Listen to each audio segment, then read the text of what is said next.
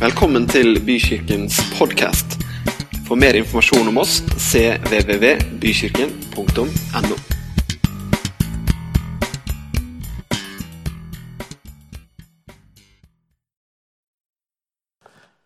Dere, det er eh, alltid en glede å få preke og dele Guds ord.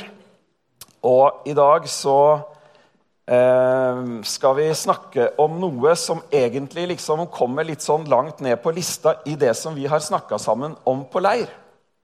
Fordi at eh, vi har hatt et tema denne helga på leir som vi har kalt for basics. Så alle her, alle ungdommene i hvert fall, de vet hva basics er. altså Helt grunnleggende ting. Og denne eh, undervisningen som vi liksom har kommet et stykke på, den skal vi ta liksom, vi skal ta det femte i dag. Var det ikke femte? Har vi ikke tatt fire? Jo, stemmer. Og så kommer det enda fire i løpet av den nærmeste tida på Pace. Men vi starta fredagen med å stille spørsmålet Kan jeg være sikker? Ja. Der, eh, de har jo tydeligvis fått med seg noe av det vi snakka om.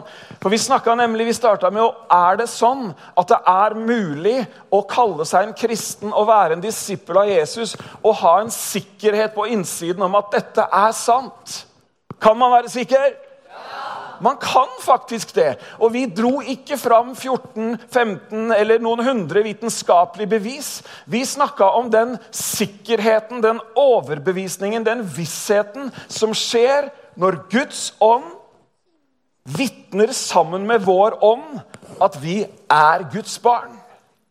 Og du vet, Den følelsen kan ikke debatteres, den kan ikke argumenteres mot. i det hele tatt. Nei, det er bare den følelsen som gjør at vi vet at vi vet. Så det snakka vi om. Det neste spørsmålet jeg stilte, var finnes det hjelp. Ja, det finnes altså hjelp i det kristne livet. Vi snakka om Den hellige ånd, som Jesus brukte masse tid sammen med disiplene rett før han dro, på å fortelle hva han skulle gjøre. Jesus sa da til og med at det var til det beste for oss at han skulle gå bort. fordi at da kom hjelperen, han som skulle ta av alt det Jesus hadde gjort, og overlevere til oss og minne oss på alt det han hadde gjort. Så spørsmål, på spørsmålet om det finnes hjelp, så er svaret Fantastisk! Og så neste dag Du skal ikke få, du, tar, du skjønner at dette er kortversjonen? Det var lange møter. Jeg skal si deg en ting at Når ungdommene har regi på møtene, så er de lengre enn gudstjenestene vi har her på søndag. De syns at alt under fire til fem lovsanger, det er pinlig lite. Er ikke det fint, da? Jo, veldig fint. Jo, sier Stian. Det er bra. Men vi fortsatte neste morgen, og vi stilte spørsmålet 'Hvordan kan jeg vokse?' Snakka om akkurat, hvordan, akkurat som kroppen vokser når man får næring. Hvordan kan vi vokse som en etterfølger av Jesus? Vi snakka om viktigheten av å høre hans ord, lese hans ord osv. Og så var det siste spørsmålet. Det var så langt vi kom før vi stiller et spørsmål i dag. Og det neste spørsmålet var Hva var det? Kan jeg bli bedre kjent med han? Kan jeg bli bedre kjent med han? Tror dere at alle som er her, kan bli bedre kjent med han? Ja. Også de som er eh, over 70? Ja. Men de tror jo at de vet alt. Er det sant? Er det ikke sånn med de over 70? Nei, det var de over 50 som var sånn. Been there, done that, got the T-shirt, liksom. Kan vi bli bedre kjent med han? Ja, selvfølgelig kan vi det. Fordi at eh, dybdene i Gud de er mye større enn det vi noen gang kan komme ned på. Det er alltid mer. Han er alltid større. Det finnes alltid noe friskt. Det finnes alltid noe nytt. Så selv om du har vært kristen i hele ditt liv og tror at du kan alt, og du kan, du kan liksom alle mulige trosbekjennelser utenat, og du kan hele Johannes evangelium på rams og Vet du hva? Fortsatt så finnes det mer! Halleluja for det. Det skulle jo gi håp til noen og hver som har satt seg godt ned og lent seg tilbake og tenkt at nå er det over. Det er ikke over. Det går an å bli enda bedre kjent med han. I dag så stiller jeg et annet spørsmål, og det er hvordan kan jeg stå imot den onde? Og Det er så kraftig kost at da vil vi ha de voksne i salen. Nei da, det er ikke så, farlig. Men jeg har lyst til å snakke om det i dag. Og det er jo sant å si ikke det man snakker om oftest på en søndag. Men jeg stiller meg i rekken av eh, noen som er mye større enn meg, noen som har gått mye lenger enn meg, noen som har mye mer innsikt enn meg. Jeg stiller meg i rekken av Paulus, Peter og Jesus Kristus selv, for de snakker alle til de kristne. De snakker alle om at det finnes en ond, en ond makt i verden. Når jeg var på leir Vi har vært på leir. Når jeg var på leir, og det er faktisk Jeg kan ikke ta det på dagen, men jeg kan ta det på året. Det er nøyaktig 40 år siden. Det er lenger enn de fleste av dere i hvert fall rett foran meg, kan forstå. Men for 40 år siden så var jeg på leir, og på leir så er det ofte, eller i hvert fall noen ganger så er det sånn vitnemøte. Noen som har vært på vitnemøte på leir. Det er ganske interessant. Det kan komme veldig mye fra talerstolen på sånne vitnemøter. Og Jeg var nok en av de som tenkte at jo, de oppfordra så veldig til å vitne. Og det var veldig enkelt. Det var bare å finne et vers i Bibelen som du syntes var litt bra, og så skulle du lese det, og så kunne du si amen hvis du ville. Men du trengte ikke å si det. Du kan bare lese det. Så jeg fant fram Jeg hadde et Nytestamente. Eh, noen av dere husker de det Nytestamentene som var gule i to forskjellige nyanser og hvite på omslaget. Ja, noen nikker bekreftende her. Der hadde jeg funnet et, funnet et vers som jeg syntes var drittøft. Og det handla selvfølgelig om djevelen. Så jeg leste, gikk skjelvende opp. Og var, Den gangen så var det sånn talestol som på en måte Den, den, den begynte her sånn på midten, da, og så gikk den så langt ut til hver side. Så du, om du noen gang følte at du var på podiet, så var det på podiet. skal jeg si det. Og så med skjelvende stemme så leste jeg Jeg er selve døren. De som kommer til meg og går gjennom meg, skal bli frelst og få alt det de trenger i livet. Det finnes en tyv som bare er ute etter å stjele, drepe og ødelegge livet deres. Jeg derimot er kommet for at dere skal få et godt liv. Ja, liv i overflod. Som tiåring så skjønte jeg ikke innholdet i dette verset til det fulle. Jeg skjønte at det var en som hadde kommet for å ødelegge. Det var en som hadde kommet for å gjøre livet vanskelig, og at det kom en annen som skulle gi det gode livet. Men jeg skjønte at disse leirprestene, og på den tiden så var leirprestene det var jo holdt på å si, eh, gamle forkynnere som ikke hadde nok å gjøre. Og de, Nei, altså, Siden de fylte sommeren med leir på toppen Enten så hadde de ikke, ja, ikke nok å gjøre, eller så måtte de spe på inntektene litt. Det var kanskje helst det siste. Men de syntes det her var veldig bra, og jeg fikk flere amen fra de der borte i kanten enn jeg liksom var overraska. Sånn at jeg ble overraska. Men så er det en sannhet i dette verset som ikke bare handler om en eller annen, noen religiøse eh, fantasifigurer som kan være en eller annen bortforklaring. Nei, det er faktisk bibelsk. At vi som mennesker møter motstand. At vi møter ondskap. Vi ser at Jesus han konfronterer ondskapen. Det står at Jesus gikk, gikk omkring og gjorde vel og satte alle de som var underkuet av djevelen, fri. Det står om Jesus at han kastet ut demoner. Det står også om Jesus. Og han Jesus det er jo han som kom og var et menneske. Det står at han ble fristet av djevelen. Han var i ørkenen i 40 dager. Vi tenker kanskje at det er gammeldags. Men det Bibelen underviser oss, er ikke gammeldags. Det er universalt, og det er evig, og det vil bestå til evig tid. Vi snakka om det på, på, på, lørdag morgen. Guds ord er troverdig, og det er gitt av Den hellige ånd, og det er evig. Alle store teologer, alle store personligheter opp gjennom kirkehistorien underbygger det samme. Og jeg tror vi kan underbygge tanken eller det at det finnes en ond makt i verden, ganske lett om vi bare ser rundt oss. Om vi ser i mediebildet, om vi ser krig, onde regimer, voldtekt, misbruk, terrorisme. Det finnes en ond kraft i tilværelsen. Og Det som har vært, da, som jeg har lyst til å si noe om, det er at eh, vi troende vi driver av og til med noe som man kaller for grøftekjøring. Det betyr at man kjører i grøfta, altså der hvor man ikke skal kjøre, istedenfor å være på veien.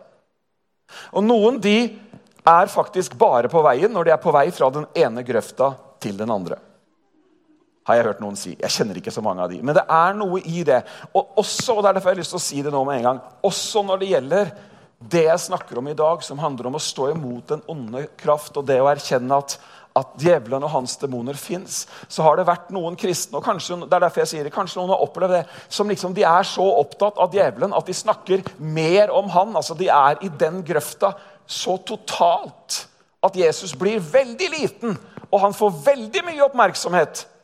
Den andre grøfta man kan være i, den første er ikke et godt sted å være. Og det er ikke riktig. Det er ikke der vi skal være. Og slapp av, dette er ikke innledning til at det er den grøfta vi skal kjøre i heller. Nei, på ingen måte. Men den andre grøfta, den er nemlig der at Ja, nei, det er jo Det finnes jo ikke det, vet du. Det er bare en gammel forestilling. Sannheten er at djevelen er kjempefornøyd hvis vi er i en av de to grøftene. Han bryr seg egentlig ikke så mye om du er der eller der. fordi at hvis, hvis, du er her, så er han jo kjempefornøyd, for det er jo han som får fokus. Og han, for det som skjer når du fokuserer på dette, er at det, det skaper jo en frykt, og du begynner å styre livet ditt. Så han syns jo det er helt fantastisk. liksom Han nevnes annenhver setning. Det syns han er topp. Og så syns den er like topp hvis du er her. Nei da, han fins ikke. Det som skjer, er bare tilfeldig, og det er bare det ene og det andre. Han syns det er helt fint, for da får han en fritt spillerom. Ingen motstand i det hele tatt. Er du med på tanken? Så enten man liksom er trollmann eller man er materialist, altså helt opptatt av det materielle, så er han kjempefornøyd. Og så er det jo sånn at svaret finnes på veien et sted midt på veien. Tyven kommer for å stjele, drepe og ødelegge. Jeg har lyst til å stoppe opp ved de tre tingene der. Tyv, altså det å stjele, det å myrde og det å ødelegge. For det er ikke sånn at djevelen han går rundt og åpenbart stjeler. For noen år siden var jeg på misjonstur i Barcelona sammen med en gjeng ungdommer. Og, altså, snakk om, snakk om tyver. Lommetyvene på undergrunn i Barcelona. Det er det mest åpenbare tyveriene jeg har vært med på i hele mitt liv. Der kunne vi altså stå inne på denne metroen, og så sto det da en gutt der med en ryggsekk og så kommer en kar bort og begynner liksom å åpne ryggsekken mens jeg står og ser på. Så sier jeg til han fyren He's stealing from you! He's opening your bag! Og da liksom blir han tyven litt brydd. Og så går han tre meter lenger ned i vogna. Der står ei jente med en veske. Så begynner han å åpne den. Og jeg, jeg liker ikke tyver, så jeg ropte en gang til. Og på neste stasjon eller når vi nærmer oss neste stasjon, så prøver han å ta lommeboka fra en tredje person. Nå snakker vi over sju-åtte minutter, dere. På, på, den ene turen. Så prøver han, og så, og så får han tak i den lommeboka. Og så åpner dørene seg, og så hopper han ut. Men jeg liker jo ikke tyver, så jeg tar tak i den armen. Så han står på perrongen. Jeg står inne i vogna. Jeg holder der. Hånda hans stikker da i retning av meg med en lommebok i og dørene går igjen. Slipper Bent Ove? Nei. Jeg slipper ikke. Begynner toget å gå? Hva er svaret? Ja, det begynner å gå. Må han løpe? Ja, han må løpe! Får hun jenta lommeboka tilbake? Ja. Ja på alle spørsmål. Men du skjønner at det, som er poenget Han her var jo en utrolig dårlig lommetyv. Altså, Han burde finne seg noe annet å gjøre. Det var jo kjempedårlig. Og vet du hva? Jeg må bare fortelle det når man er inne på gode historier.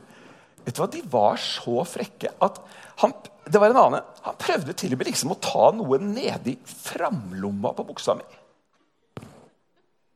Altså, da, vet du hva, da, da, da, er, da, er, det et eller annet som liksom styrer deg, som gjør at ikke du har noen sperrer igjen i det hele tatt.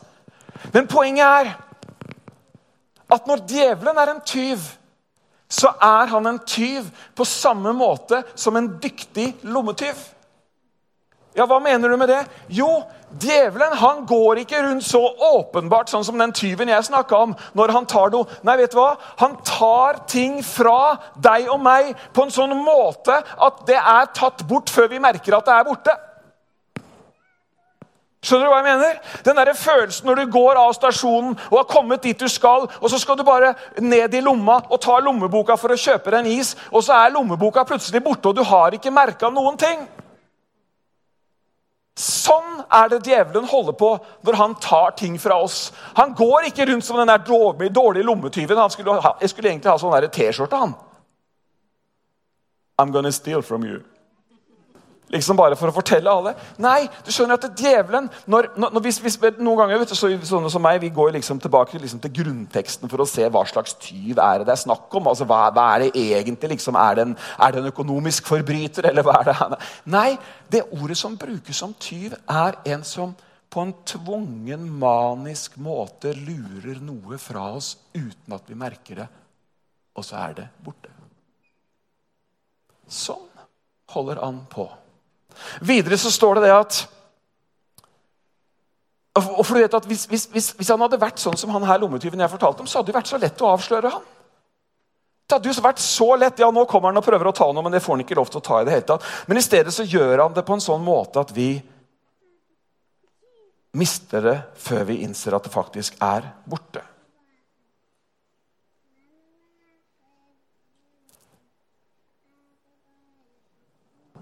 Noen ganger kan vi som mennesker vi kan tenke at vi bare må gi slipp på ting som vi egentlig har.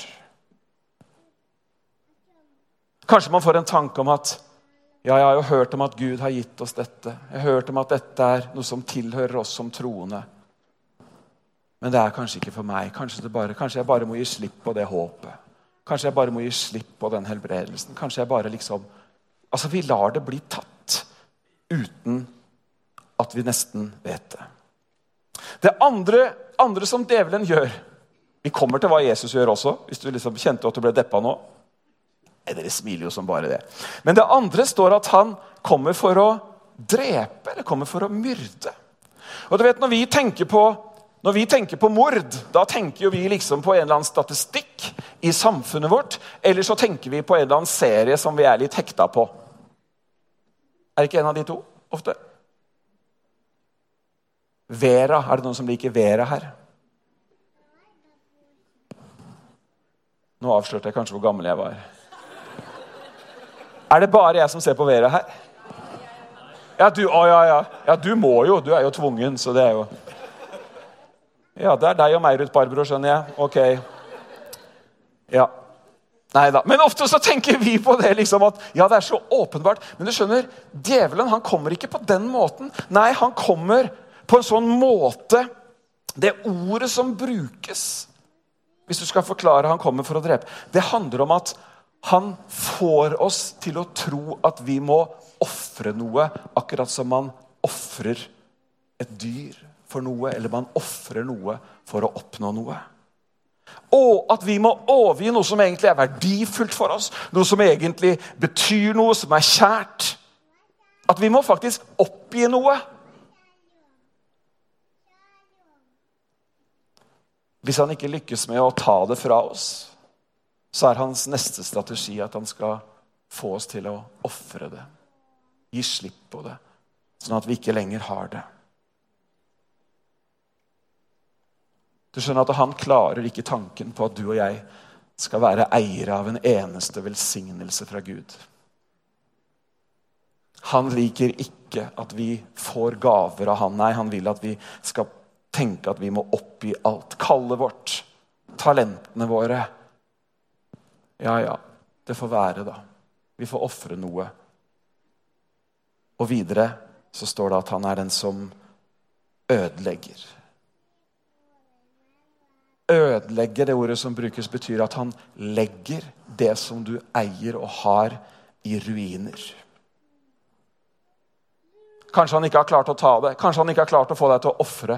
Men så tar han neste strategi, nemlig å utradere det, knuse det, slå det fullstendig i stykker. Men det er hans plan, den onde sin plan.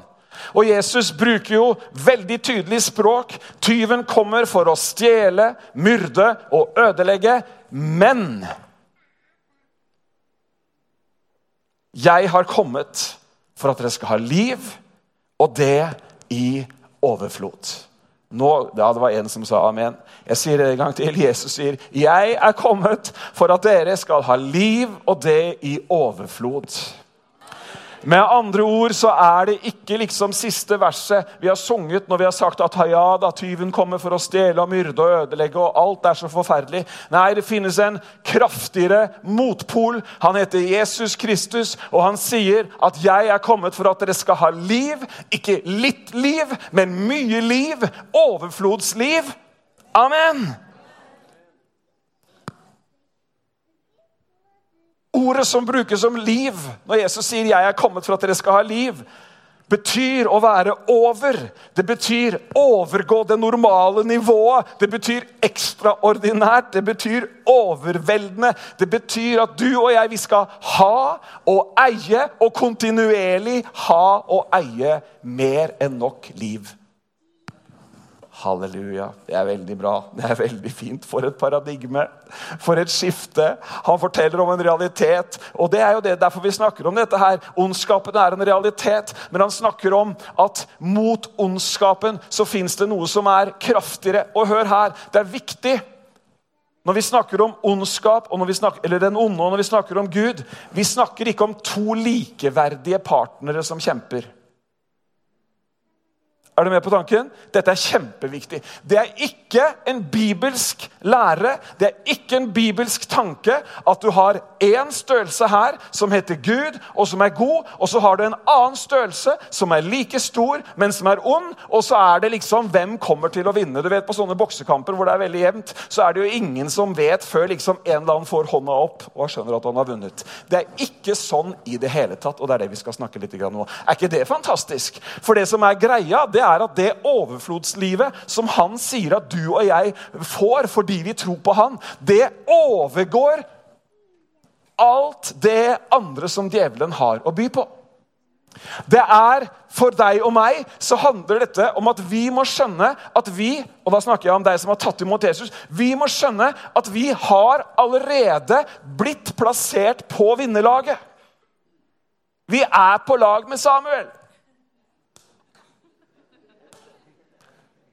Hvor, er, hvor har det blitt av Samuel? Er du ikke her lenger? Han er i gangen. Han var litt sliten, ja. Ja, ja. Sånn går. Overflod av liv. Men dere, dette her er så viktig, for noen går rundt og lever sitt liv som en disippel av Jesus med en sånn derre Jeg vet ikke helt hvordan utfallet blir, fordi at det finnes så mye ondskap i verden. Vet du hva? At vi kan, midt i ondskap, midt i statistikker, midt i det ene og det andre, så finnes det en innlagt kanal med overnaturlig liv. Han heter Jesus Kristus, og han leder oss alltid fram i seierstoget med han står det i Bibelen. Men Gud være takk, som alltid leder oss fram med seierstog med han. Men du skjønner det at eh, han gjør det alltid, men han gjør det ikke hele tiden. Jeg skal justere det jeg sa. Det jeg mener å si, er at det er ikke sånn at den seieren han leder oss fram til, den bare er der. Så lenge vi er her nede på jorda, vi skal være her en stund til, så kommer det en annen greie. Det er forresten det siste spørsmålet i basic-undervisningen. Det er nemlig hva skjer til slutt. Men så lenge vi er her nede, så finnes den onde. Derfor så snakker Bent Ove i dag om hvordan kan jeg stå imot den onde. Så lenge vi er her, så finnes han. Men vi kan ved Jesus Kristus opp oppleve seier på seier på seier. Ja da, vi opplever et nederlag, men hvor man, den rettferdige reiser seg, omvender seg på ny og på ny og opplever seier hele veien. Amen. Jeg sa ikke at det bare er seier, du kan ikke anklage meg for å være en annen herlighetsteolog. Men du skjønner, Herlighetsteologer har veldig mye bra. Men du skjønner det at det, det finnes, uansett hva vi møter Uansett hvilke fristelser, uansett hvilken motstand, så finnes det alltid liv som overgår den døden. Det er nå man kunne sluppet ut en bitte liten begeistring. Det hadde vært, det, ja, det hadde vært morsomt. Det liksom, det er nå det er mulig. Og du skjønner at man kan jo si ja, men jeg liker ikke å snakke om det. Og du, du, kan jo også tenke i alle dager, har du tenkt å si noe om dette til ungdommene? Ja, selvfølgelig har jeg tenkt å si noe til ungdommene om det. fordi jeg vil jo at denne gjengen her skal gå seirende gjennom ungdomstiden sin og voksentiden sin og være vel vitende om at de har en på laget som er sterkere, og at i han så makter de alt. Ja. I Han så finnes det et liv som det er umulig å matche. Det er rikt, det er overflod, det er det ultimate maksi maksimum. Og så vil du og jeg og alle her, hvis de snakker sant, vet at livet har andre dager. Livet har motstand, livet har uforutsette ting osv. Det er ikke det vi snakker om at det ikke fins i det hele tatt. Nei, vi snakker nemlig om at det fins, men i alt dette vinner vi mer enn seier ved Han som elsket oss. Yes, amen. Du skjønner at Djevelen han vil jo Han har jo en plan. Han har jo et ønske. Han har hatt det fra første, første stedet vi møter han i Bibelen. Så har han hatt en plan. Og den planen, det er altså Diablo betyr å skille. Å separere. Han har en plan om å skille deg og meg fra han som vi er skapt til å være sammen med, Gud. Derfor så begynte han og sa til Eva er det sånn, Har Gud virkelig sagt? Er Gud virkelig god? Det er jo ganske morsomt at når man hadde alle de fine trærne i den flotte hagen å spise av, så er det liksom det ene han liksom henger seg opp i og kverner på. Altså, Gud har gitt liv oss, livene våre så utrolig mange fine ting. Men så har han også gitt oss noen kjøreregler som han sier at det er bra for oss, sånn at vi opplever å leve gode liv. Men det er rart hvordan djevelen får oss, eller får mennesker i dag til å liksom fokusere på det ene lille greia istedenfor å se hagen av velsignelse og styrke og liv og overflod. Han har en plan om at vi skal lide nederlag, og at vi skal kjempe og streve og det ene og det andre. Men Jesus, han har en annen plan. Hvordan skal vi forsvare oss?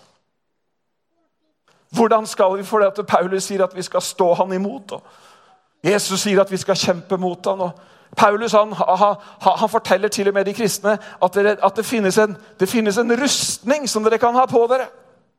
Han sier i Efeserne 6.: Ta på dere Guds fulle rustning. Og Han nevner seks ting som rustningen består av. Og nå må jeg ha litt hjelp her. Eh, Isak, gidder du å komme opp? Ja, nydelig. Dette er Isak.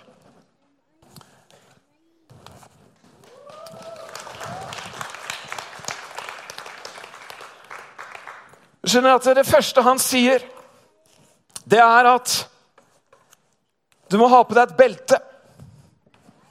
Han kaller det for sannhetens belte. Er dette, dette er ikke sannhetens belte, du skjønte det? Dette er et belte jeg fant i farta. Du kan stramme det litt mer. Han sier nemlig at i kampen mot djevelen så er det én ting du trenger i livet ditt. Det er sannhet.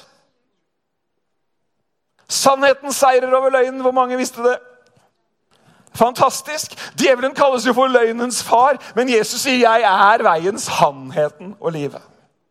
Så Han snakker om at sannhetens belte og Vi vet det fra den romerske rustningen at beltet var veldig viktig. Beltet det holder tingene, det holder resten av rustningen på plass. Men dere, han må jo ha sannhetens belte bare for at du skal skjønne hva som er sannhet. Så er det én ting som eh, virkelig er sannhet. Har du skjønt det nå? Snu deg rundt, Isak. Det var noen som ikke har skjønt det ennå. Han sier at vi skal ha sannhetens belte om livet. Jeg hadde ikke flere bibler. Jeg har en her, men den må jeg ha sjøl. Ja, ja. Faller sannheten fra hverandre? Ja. Det er fordi man ikke har stramma beltet. Men du, det første når vi skal stå imot den onde, det første vi må ha på plass, er sannhetens belte om livet. Amen. Guds ord er sannhet. Jeg sier, en ting, jeg sier det en gang til. Guds ord er sannhet. Jeg sa til ungdommene på lørdag at vet du hva, nå skal jeg snakke om to ting. og Hvis dere tar de to tingene jeg snakker om nå på alvor, så garanterer jeg dere at livet kommer til å bli annerledes. Og livet kommer til å få en betydning som ikke du kunne drømme om. Og det ene var Guds ord. Og jeg garanterer ikke bare eh, fjortisene og tenåringene her, men jeg garanterer enhver hvis du slipper Guds ord inn i livet ditt i gode mengder over tid, så vil det gjøre det han har sendt det til å gjøre. Det gjør det. Nytter ikke med et mannakorn fjerde hver dag. Da går du kraftig ned i vekt. Sannhetens belte om livet. Det andre, og det har jeg ikke her, da. Er det greit for deg å være litt sånn eh, Roman soldier? Det går bra. For det neste han sier, er at du må ha rettferdighetens brynje.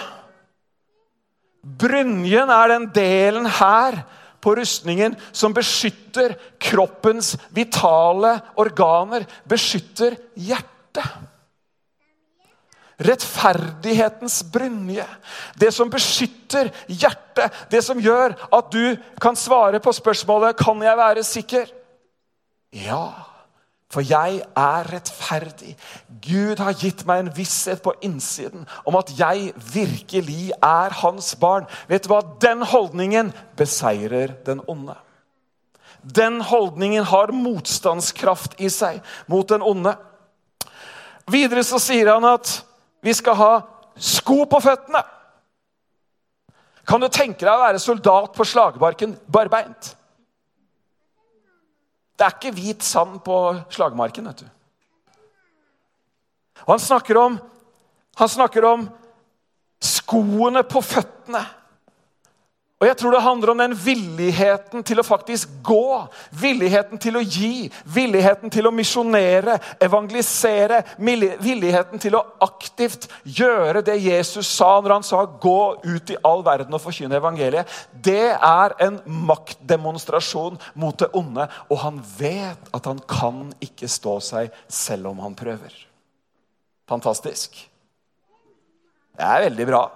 Har alle sko på beina her? Ja, det er til for å brukes. Det neste er at han snakker om Det er ikke det neste, men jeg hopper over neste. Kommer tilbake til det, For han snakker om troens skjold. Men han snakker også om frelsens hjelm. Kan du tenke deg at han har en hjelm? Vi tenker jo at tankene våre, sinnet vårt, det har sitt senter her oppe.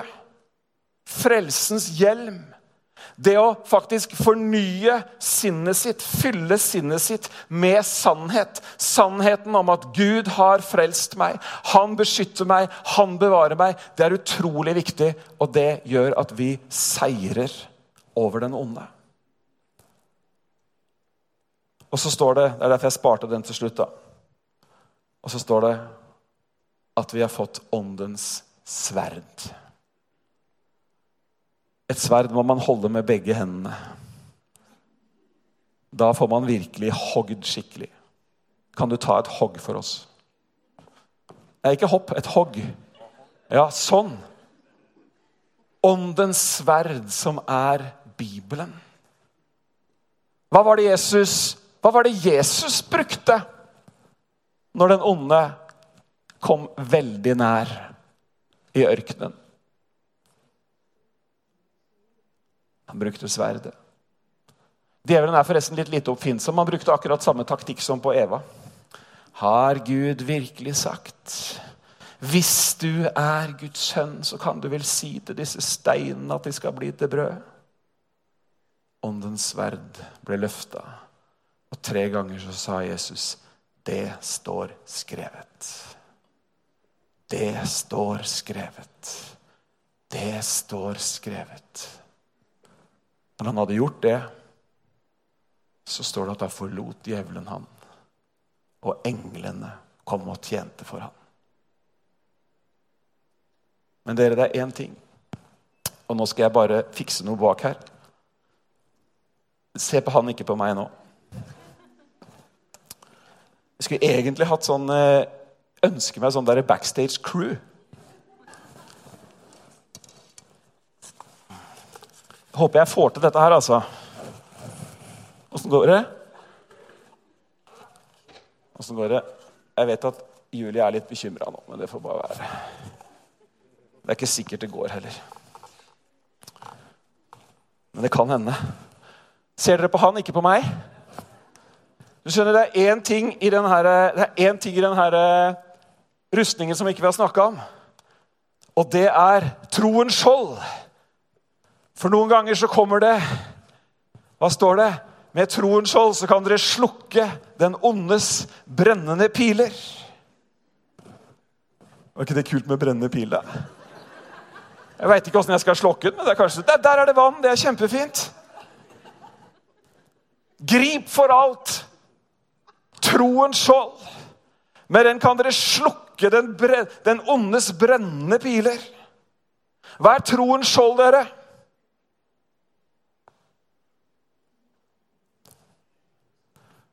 Hva er troen vår? Jo, det er troen på at Gud er sann. Troen på at hans løfter Å det ryker veldig nå. Vi må bare prøve å treffe deg en gang først. Er du klar med skjoldet? Ja da! Nei, da, vi kan ikke det. Sånn. Det røyk så veldig. Er det en i en trebanneringer, eller hvem er det? Ja. Men dere Troen taler. Troen bekjennes. Troen sier noe. Å løfte troens skjold er å si, 'Gud, jeg tror på deg. Jeg tror på ditt ord. Jeg tror på dine løfter.' Ja, omstendighetene sier noe annet, men ditt evige ord sier at du er god, at du kan hjelpe meg. Amen. Takk skal du ha. Du var veldig flink.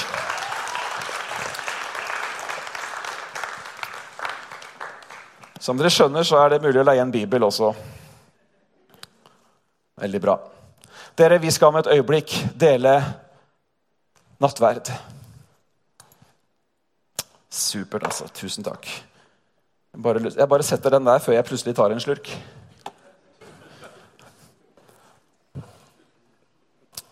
Lovsangsteamet kan uh, gjerne komme.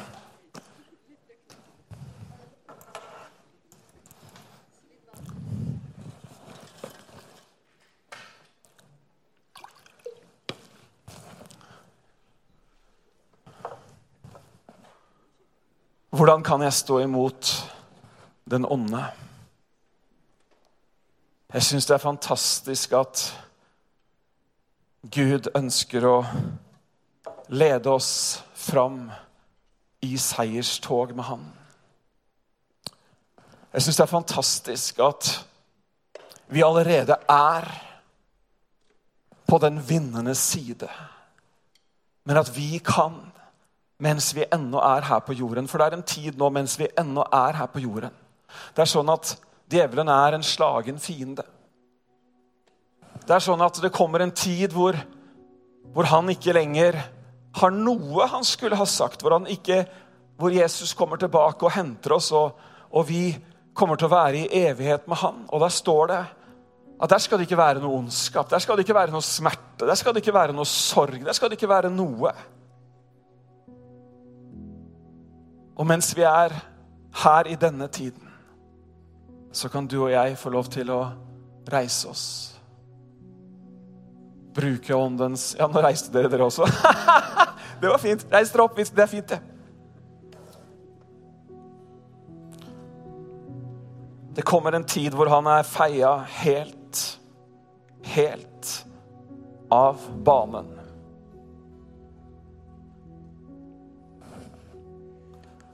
Og så skal du og jeg få oppleve at gang på gang Jo da, ting går i stykker. Jo da, ting blir krevende. Men gang på gang så vinner vi seier.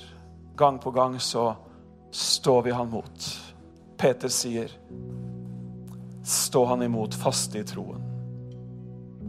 Det går an å stå han imot. Nå skal vi dele nattverden, og Edmund og